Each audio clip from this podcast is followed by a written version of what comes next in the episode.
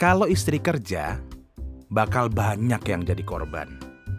Rumah berantakan, sibuk terus, suami pasti disepelekan. Apalagi anak, kasihan, gak dapat perhatian. Dan masalah gede bakal dateng kalau gaji istri lebih besar. Aduh, pasti tambah sok ngatur semua yang ada di rumah. Tapi tenang, bapak-bapak kalau kayak gini nggak usah bingung. Berdoa dan tetap tenang. Cari istri lagi. Amin. Istri bekerja itu menurut aku harus. Selagi dapat izin dari suami ya. Kenapa? Supaya kita bisa bantu keuangan keluarga, punya uang sendiri buat belanja, bisa bantu orang tua juga tanpa harus nungguin suami. Tapi tetap ya, nggak boleh lupa sama prioritas awal keluarga. Kalau akhirnya ternyata gaji istri lebih besar daripada gaji suami, nggak apa-apa dong, nggak masalah.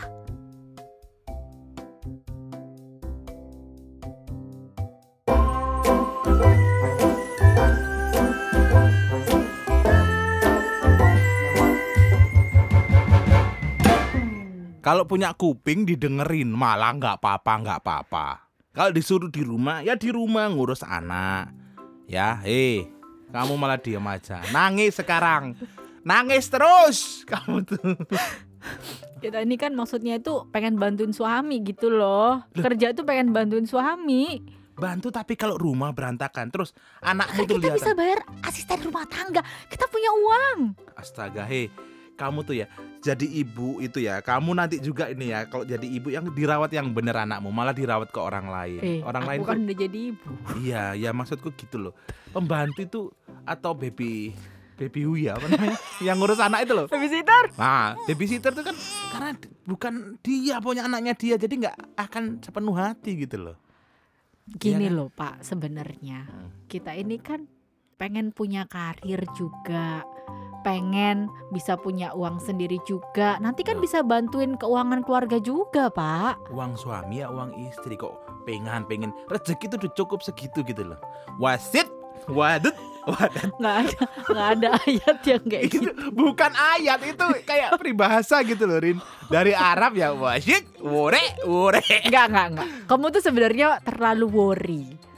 Karena kamu ngelihat istrimu sepertinya ini dalam jangka waktu ke depan akan punya karir yang bagus. Rezekinya akan lebih besar daripada rezekimu. Nggak perlu khawatir loh. Apa sih yang kamu khawatirin sebenarnya? gaji itu bisa bikin semuanya timbul. Berantakan. Iya, muncul dan Kalau aku sih termasuk yang percaya sebenarnya bukan masalah gajinya siapa lebih besar, tapi komunikasinya itu seperti apa. kamu belum ngalamin soalnya kayak gini.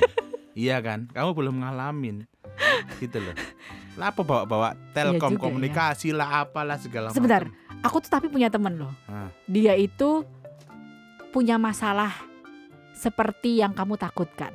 Terus aku mau suruh belajar sama orang yang punya masalah gitu. Bukan, dia itu sudah berpengalaman dan sudah melewati hal itu gitu loh. Sukses. Sukses Oke. menjalani rumah tangganya oke, karirnya dia oke, pada akhirnya rezeki dan karirnya suaminya juga oke.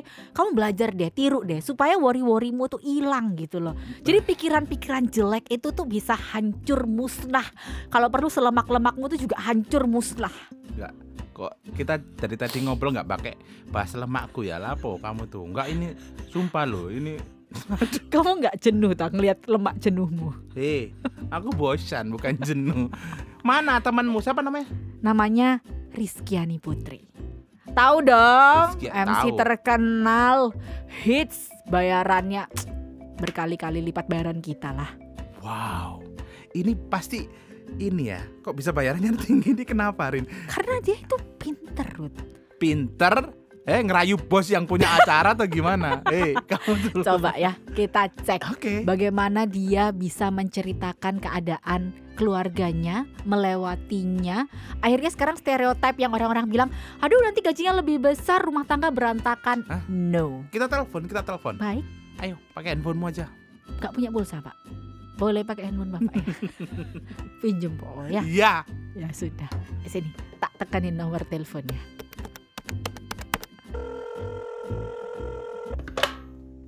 Halo Mbak Putri. Yes. Mbak Putri, sebenarnya apa sih yang perlu dipahami suami istri kalau posisinya seorang istri ini ternyata memiliki penghasilan lebih besar daripada suaminya? Gimana agar suaminya ini tetap tidak kehilangan pride-nya sebagai kepala rumah tangga, tapi istri juga tidak melenceng dari kodratnya sebagai seorang istri juga ibu. Jadi jangan mentang-mentang gajinya gede nih, jadi nggak mau ngelakuin pekerjaan rumah. Jadi kami berdua itu sedari awal punya kesepakatan begitu menikah, aku akan menjadi seorang profesional freelancer dan dia akan menjadi seorang pegawai pada saat itu. Yeah. Okay. Jadi ada sekitar 4-5 tahun, sorry 4-5 tahun pertama kami menikah, 4 tahun itu statusnya adalah pegawai dan aku profesional freelancer. Dan selama 4 tahun itu gejolaknya luar biasa. Gejolak dalam arti aku punya mindset yang namanya freelance, setiap ada tawaran kerja harus diterima. Mhm. Sementara dia sebagai pegawai punya keyakinan kerja itu nggak usah ngoyo tetap harus dinikmati, tetap ada istirahat, tetap ada waktu buat keluarga. Sementara aku bilang, ini loh jadwalku bulan ini, dalam 30 hari aku bisa ada kerjaan untuk uh, satu bulan sebelumnya ya, aku kan Hmm. baca jadwal bulan berikutnya. Aku bisa kerjaan cuma 5 sampai 10 hari. Hari lainnya aku banyak di rumah. Jadi Oke. izinkan aku menerima tawaran yang datang sekalipun itu mendadak. Dan dia bilang lagu lama karena selalu seperti ini terjadi. Jadi setelah kita janjian akhir pekan mau ke mana karena dia liburnya akhir pekan, detik itu aku bilang aku diminta MC di sini, aku diminta siaran, aku diminta ini, aku diminta itu, aku minta maaf. Boleh nggak kita mau ke minggu depan? Dan itu terjadi selama empat tahun pertama pernikahan kami karena dia pegawai dan aku profesional freelancer yang kebetulan bakal buka ini kali pertama di rumah mangga. Wah, thank you. Let's say gaji dia adalah X Mhm. dan aku mengawali pada saat kami awal menikah itu yang aku terima setiap bulan itu 5X. Wow. Dan secara bertahap ketika kami mulai mengarungi rumah tangga Hmm. di empat tahun, gaji X plus sekian, gajiku adalah X plus sekian, buka kurung tutup kurung, Mhm. itu bisa 10 kali lipat. Wah, jauh dong. Itu nggak jadi masalah Jadi- berantem berantem gitu. Itu keluargamu. Ya, Dengerin nanya. dulu ini. Aku nanya nggak ada kayak gitu mbak buat cicilan kok kayaknya kamu aja yang Keluarga ngebayar. Rudi kan keluarga Erina juga Ya, kan, jadi ya. keluarga kalian. Iya, iya. Balik lagi ke tema tadi, kalian Iya. pasangan. Jadi eh, di awal kami mendiamkan itu karena kami merasa ini bukan masalah. Kita tahu sama tahu situasinya. Dia tahu bahwa dengan saya bekerja, menerima tawaran kerja mendadak itu adalah eh, rejeki untuk kami, Yes. untuk rumah tangga kami. Kami mendiamkan itu, kami tidak mengkomunikasikan itu sampai kemudian ada satu titik dia bilang, eh, lebih tepatnya aku merasa dia mulai selain bekerja dia menjalani hobi dan itu mulai memunculkan nilai rupiah. Hmm. Hmm. Aku bilang kamu nggak bisa kayak gini terus. Mau hobi yang kamu seriusin jadi kerjaan atau kerjaan dan itu artinya kamu juga punya waktu untuk istirahat. Kebayang ya? Mhm. Jam Mhm. 5 pagi dia bangun berangkat kerja, kemudian dia ngerjain urusan kantornya itu sampai dengan jam 5 sore. Begitu sampai rumah dia backup aku kalau malam aku ada kerjaan, event atau siaran, dia pegang anak karena Mhm. asisten rumah tangga kami berangkat pagi pulang sore. Oke. Lalu begitu aku datang, dia nggak tidur jam 11 malam selesai Wow. event kurang lebih. Dia bukan tidur tapi dia ngerjain hobinya Oh, dan dia baru tidur jam 3 pagi. luar Itu biasa. terjadi hampir setiap hari dan aku dengar cerita dari teman-teman kantornya kalau jam 12 siang sampai jam 1 siang di mana dia harusnya istirahat makan dan sholat, dia akan menyempatkan 15 menit tidur di meja kantornya. Itu aku dengar cerita dari teman kantor. Aku ngerasa ini nggak sehat. Karena ini Mhm. terjadi tiap hari dan dia bilang aku nggak apa-apa kok aku baik-baik saja. Nggak bisa kayak gini. Akhirnya dalam situasi aku hamil anak kedua, Mhm. aku bilang ke dia, kamu resign ya. Wow. Dia bilang, se, se, se, se. Kak kendeng ah, ibu iki. Iya dong, kayak nekat gitu. Hamil anak kedua, eh, dari sisi pengeluaran tetap harus ada kan, operasional bulanan. Dari sisi pemasukan bakal ada momen aku cuti. Dan bakal ada rezeki yang stop masuk ke keluarga kami. Karena namanya freelance kan kalau nggak kerja, nggak nerima tawaran kerja, otomatis nggak ada penghasilan. Benar. Begitupun dia, ketika dia masih mengawali karir. Aku bilang, tabungan kita cukup. Aku mengutamakan dan memprioritaskan kesehatanmu. Aku nggak mau sampai terjadi anak-anak tumbuh dalam situasi di mana bapaknya di usia lanjut itu di- tidak dalam kondisi prima dan sehat gara-gara gaya hidupnya di masa muda Keren. karena kurang istirahat, karena begadang dan lain-lain. Akhirnya kami bikin kesepakatan waktu aku hamil anak umur entah itu tiga atau empat bulan, dia mengundurkan diri dari kantor. Teman-temannya bilang dia gila dan setiap kali ada suara-suara itu dia bilang sebelum kalian bilang aku gila karena resign dari kerjaan, tolong ngobrol sama istriku. Dia yang suruh aku resign. Jadi mereka tuh gedek-gedek teman-temannya. Kok iso ngono yo? Iya, iya, iya, iya. Dan teman-teman kantor bilang, "Kon metu iku ono opo? Ono kerjaan jobo ta? Tawaran sing luwih dhuwur." Ya. Enggak. Iya. Kerjaan freelance-mu sudah menjanjikan? Enggak gitu. Jadi dari awal kami menikah sampai dengan dia memutuskan resign, bayangkan yang tadinya dia punya penghasilan X Mhm, dan seiring berjalannya waktu karir eh, tujuh tahun dia bekerja, X-nya plus sekian, mhm. itu kemudian menjadi nol rupiah dan kemudian datanglah beberapa tawaran kerja yang nilainya sepersepuluh X. Iya, iya. Terus Jadi, Mbak, setelah itu Um, nekat ketika, sekali. Ketika ya, jadi ketika dia penghasilannya belum menentu, dia menjadi seorang freelancer, dia tahu beratnya menjadi seorang freelancer, uh, apalagi di awal mengawali karir Ya, dan klien itu datang sewaktu-waktu nggak diduga, nggak dikira dengan nilai yang nggak tentu. benar, setuju. Da- pada pada sisi itu dia kemudian bilang ke aku gini, jadi ini ya yang kamu rasain, ketidakpastian Oh, ketika semua tawaran yang datang kamu terima karena kamu mempertimbangkan aku nggak tahu apa yang terjadi besok yes. dengan tidak menerima tawaran ini gitu. Yes. Apalagi aku berangkat dari passion kan. Mhm. Jadi dia itu sampai di fase yang ini ekstrim ya. Awal-awal dia desain, dia itu bilang gini, aku tuh cari-cari loh di platform, di marketplace, di mana orang nawarin jasa Aha. profesiku Mhm. dan mereka itu nawarin di benak dia itu kan oke jasa semacam ini katakanlah nilainya 250 ribu rupiah Yes. Dan dia melihat orang-orang yang memang secara skill lulus di bidang itu sementara dia bukan Mhm. itu nawarin jasanya 50 ribu rupiah bahkan 15 ribu rupiah Ya. dan dia bilang gimana bisa hidup Ya. dengan angka itu dan sudah terjadi dia resign jadi akhirnya dia dalam tanda kutip melacur udahlah pokoknya ada tawaran berapa dia terima tawaran berapa dia terima. Yang penting dia punya portofolio yang bagus. Yes. dan itu yang aku bilang ke dia aku mengawalinya dengan seperti itu. Tujuh tahun aku ngansi gratisan. Tujuh tahun aku ngansi gratisan tahun ketujuh aku dibayar seratus ribu sampai kemudian tahun kesekian aku dibayar sekian kali lipatnya. Ya. dan itu butuh waktu memang jadi harus sabar. Dan itu kami berdua belum sampai obrolan gajimu berapa gajiku berapa ini nggak cukup enggak bahkan nilai yang kami bayarkan untuk asisten rumah tangga kami Mhm.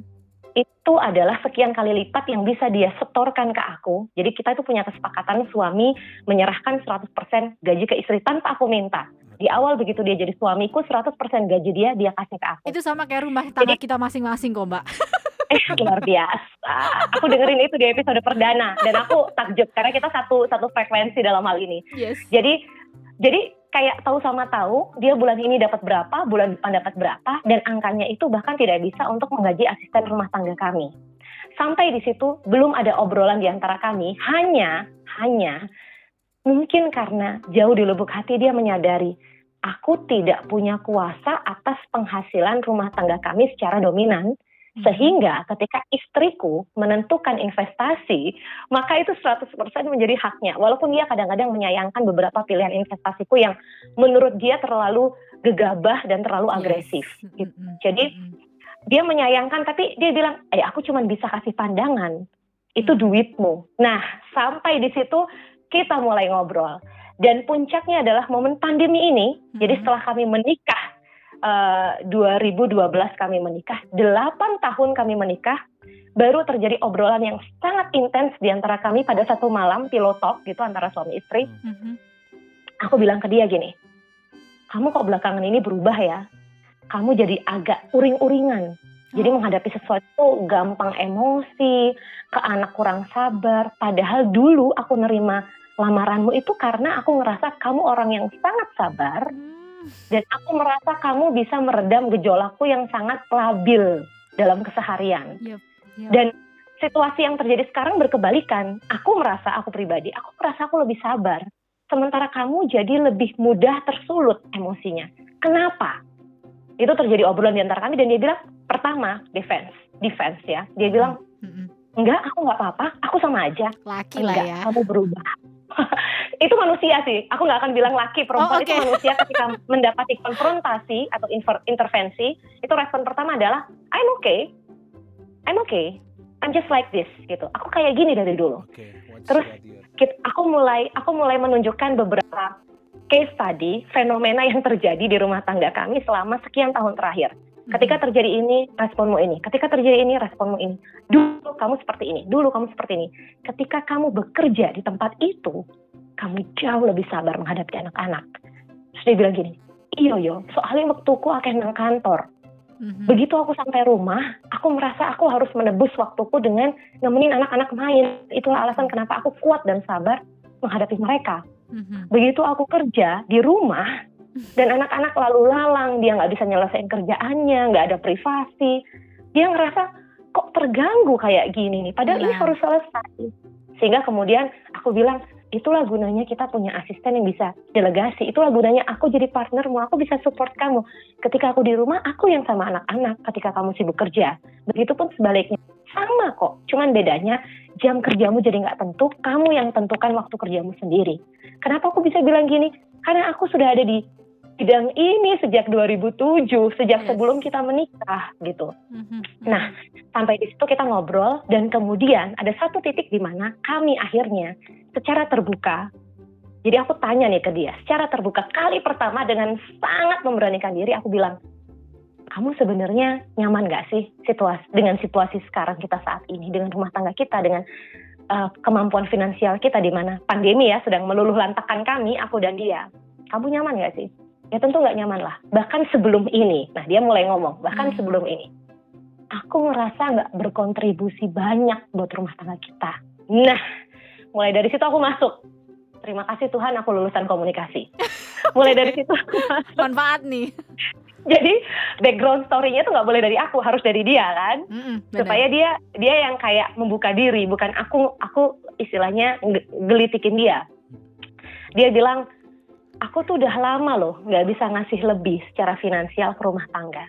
Terus aku bilang, emang rumah tangga itu cuma dibangun dengan dasar finansial. Setuju. Banyak orang suami istri gaji sama tinggi, tapi mereka nggak bahagia. Nggak ada satupun di antara mereka yang mau mengalah ketika terjadi konflik. Dan yang terjadi adalah aku tahu aku sebagai istri, pekerjaanku, profesiku membuatku sering kali mendapatkan rejeki yang datang dari Tuhan melalui klien-klien yang baik itu dengan nilai yang syukur alhamdulillah lebih tinggi dari yang bisa kamu kumpulkan setiap bulan. Tapi itu tidak pernah berarti aku berhak untuk berada di atasmu. Wow. Kamu pernah dapetin situasi aku aku kemudian menjadi kepala rumah tangga? Aku yakin enggak. Jadi dalam banyak hal, dalam banyak aspek, aku menunjukkan padanya momen kebersamaan kita selama menikah bahwa aku nggak pernah sekalipun memposisikan diriku tuh lebih tinggi dari dia.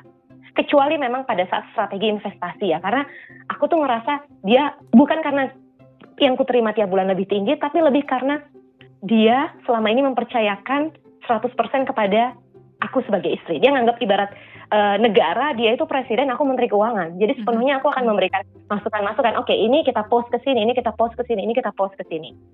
Jadi aku bilang, walaupun aku melanggar eh, saran yang kamu berikan, jangan deh jangan di sini. Karena aku rasa ini bagus peluangnya. Itu aku lakukan bukan karena aku merasa lebih tinggi dari kamu, Mhm. menggantikan posisimu sebagai kepala rumah tangga, tapi karena aku merasa aku tahu ini tempat yang tepat untuk menginvestasikan rezeki kita. Nah, sampai di situ aku mau bilang, kalau selama ini banyak rumah tangga ada guyonan yang mungkin ini lucu, tapi buat aku ini nggak lucu. Wekmu, wekku, wekku, wekku. Iya, Sudut pandang istri. Gajimu adalah gajiku, dan gajiku adalah gajiku. Aku sangat nggak sepakat karena begitu kita menikah, rezekimu adalah rezeki kita, aku, kamu, dan anak-anak kita. Rezekiku adalah rezeki kita, rezeki kita dan anak-anak kita. Jadi nggak pernah ada ceritanya begitu nikah, uangmu, uangmu, uangku, uangku. Atau Wow. uangmu juga uangku. Enggak. Jadi itu adalah mindset yang aku tanamkan ke dia. Pertama, bahwa kita berumah tangga, ini nggak mungkin dibangun aku sendiri, kamu sendiri. Ini kita lakukan bersama-sama. Dan ini kita lakukan selain untuk kita, sesungguhnya adalah untuk masa depan anak-anak kita. Kita Mhm. sepakat ya dalam hal ini. Oke, kita sepakat. Yang kedua, aku tuh merasa ini hal yang juga sangat esensial sebenarnya bahwa eh ketika gajiku lebih tinggi bukan berarti aku punya posisi yang lebih tinggi atau peranan yang lebih dominan. Jadi aku tuh pengen dia itu menyadari bahwa ketika aku bisa mengumpulkan sebanyak itu berkali-kali lipat dari yang bisa dia kumpulkan, Hmm. sesungguhnya adalah karena satu restunya karena tidak banyak istri yang diizinkan bekerja oleh suami dan Setuju. sekali lagi ini rumah tangga kita, aku bisa seperti ini karena izinmu, restumu sebagai pasangan. Dan yang kedua adalah karena supportnya. Karena banyak yang oke aku dukung, ah, eh sorry aku merestui, tapi ternyata tidak mendukung, gerundel. Mhm, mhm. Nah, sementara dalam posisi kami adalah aku selalu merasa dia nggak sekedar merestui, tapi bahkan dia mendukung dan bentuk kontribusinya itu nyata loh.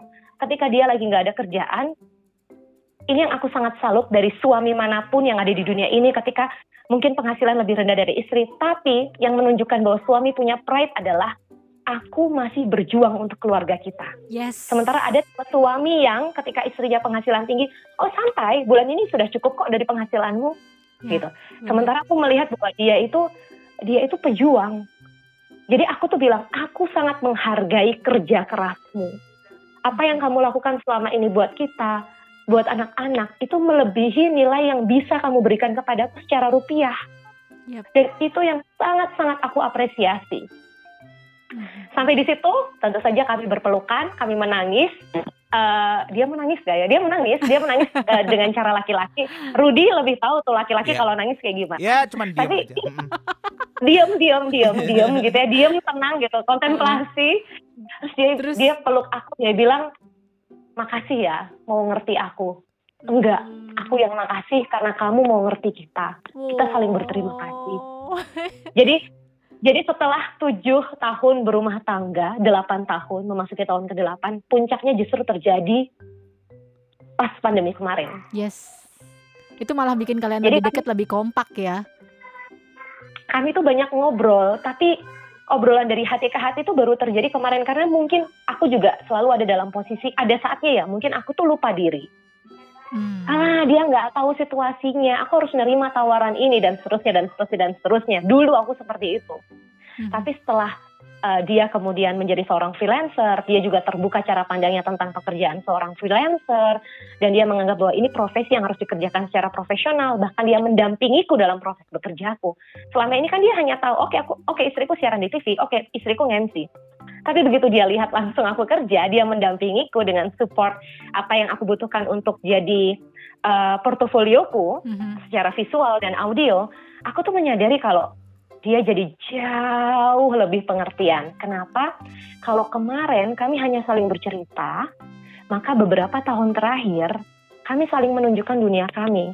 Yes. Jadi aku menunjukkan baktiku sebagai istri dengan mendukung dia sepenuhnya untuk begitu dia ada kerjaan, mau itu event penting banget, aku bilang kerjakan dan selesaikan deadline dari klienmu. Mhm. Aku bisa berangkat sendiri, aku bisa minta tolong orang lain buat nemenin aku kalau memang aku butuh portofolio. Yes. Tapi kamu dan pekerjaanmu adalah prioritas. Karena jaringanmu dan kepuasan klienmu adalah prioritas. Oke. Gitu. Jadi ini harus benar-benar memilah. Gila gila Itu gila sih. gila. Ini benar-benar langsung menjawab banyak hal loh Mbak. Padahal cuma satu pertanyaan menyenangkannya kalau ngobrol dengan Mbak Putri itu kayak jabarin satu hal jadi lebih perinci dan sangat mudah dipahamin. Iya, Dia tuh iya, pengen iya. banget Mbak bisa nge-MC Ini- formal, terus bawain acara formal ya. Ya. Karena selama ini acaranya bercanda mulu ya. Iya bercanda mulu. Aku pengen nge-MC. Karena kalau yang bercanda duitnya dikit kan, kalau yang formal duitnya lebih gede. Loh ini tak kasih tahu kamu, Iya, iya, iya, aku iya. banyak dapat kerjaan dari Mbak Putri. Oh ya udah. Ya udah Mbak Putri aku jadi Oh. suamimu aja biar kamu yang kerja kalau gitu. Kamu nggak tahu diri. Kalau jadi suami aku, kamu bantuin foto video karena aku jarang diminta berpartner sama MC laki. Aku biasanya diminta Tuh. MC sendiri. Oh iya. iya. Mbak. Adalah MC sendiri. Mbak Putri, dia ya Yes. buka kamera di handphonenya aja nggak bisa. Iya, Kamu betul. nyuruh bikin video. Thank you ya Mbak Putri. Thank you too. Bye. Makasih rumah mangga. Tuh kan, bener. Ya, luar biasa emang Putri dan suaminya. Aku bisa belajar banyak akhirnya tentang rumah tangga ini gitu. Jadi nggak ada masalah. No about years money lah pokoknya. Artinya apa? Ya kayak nggak ada masalah. No no worry No, lagi gitu. no worry ya, Iya, no benar. worry. Apalagi kalau ngomongin gaji, lebih baik kamu sekarang tuh cepat pulang, peluk istrimu, minta maaf, terus ngobrol deh kalian berdua. Oke. Gitu loh. Makasih Erin udah ngebantu. Semoga ini jadi amal baik buat kamu nanti di akhirat. Tapi ini juga informasi untuk bapak-bapak di luar sana, nggak perlu khawatir Iya. kalau istrinya bekerja atau mungkin nanti ternyata gajinya lebih besar, nggak perlu khawatir Urus lah. anak. Urusan anak kan urusan berdua pak, bikinnya berdua. ah, Dari zaman dulu pak, yang namanya resep awet rumah tangga itu keterbukaan, keterbukaan dirancang dan keterbukaan komunikasi. Ah, ini aku baru ngerti ya kan. Pentingnya keterbukaan. Waktu itu aku diranjang, cuman nggak terbuka. Jadi istriku diem aja gak ngapa-ngapain. Lah istrimu tuh gardu tah, kok nggak paham kode? Istriku sepatu hansip.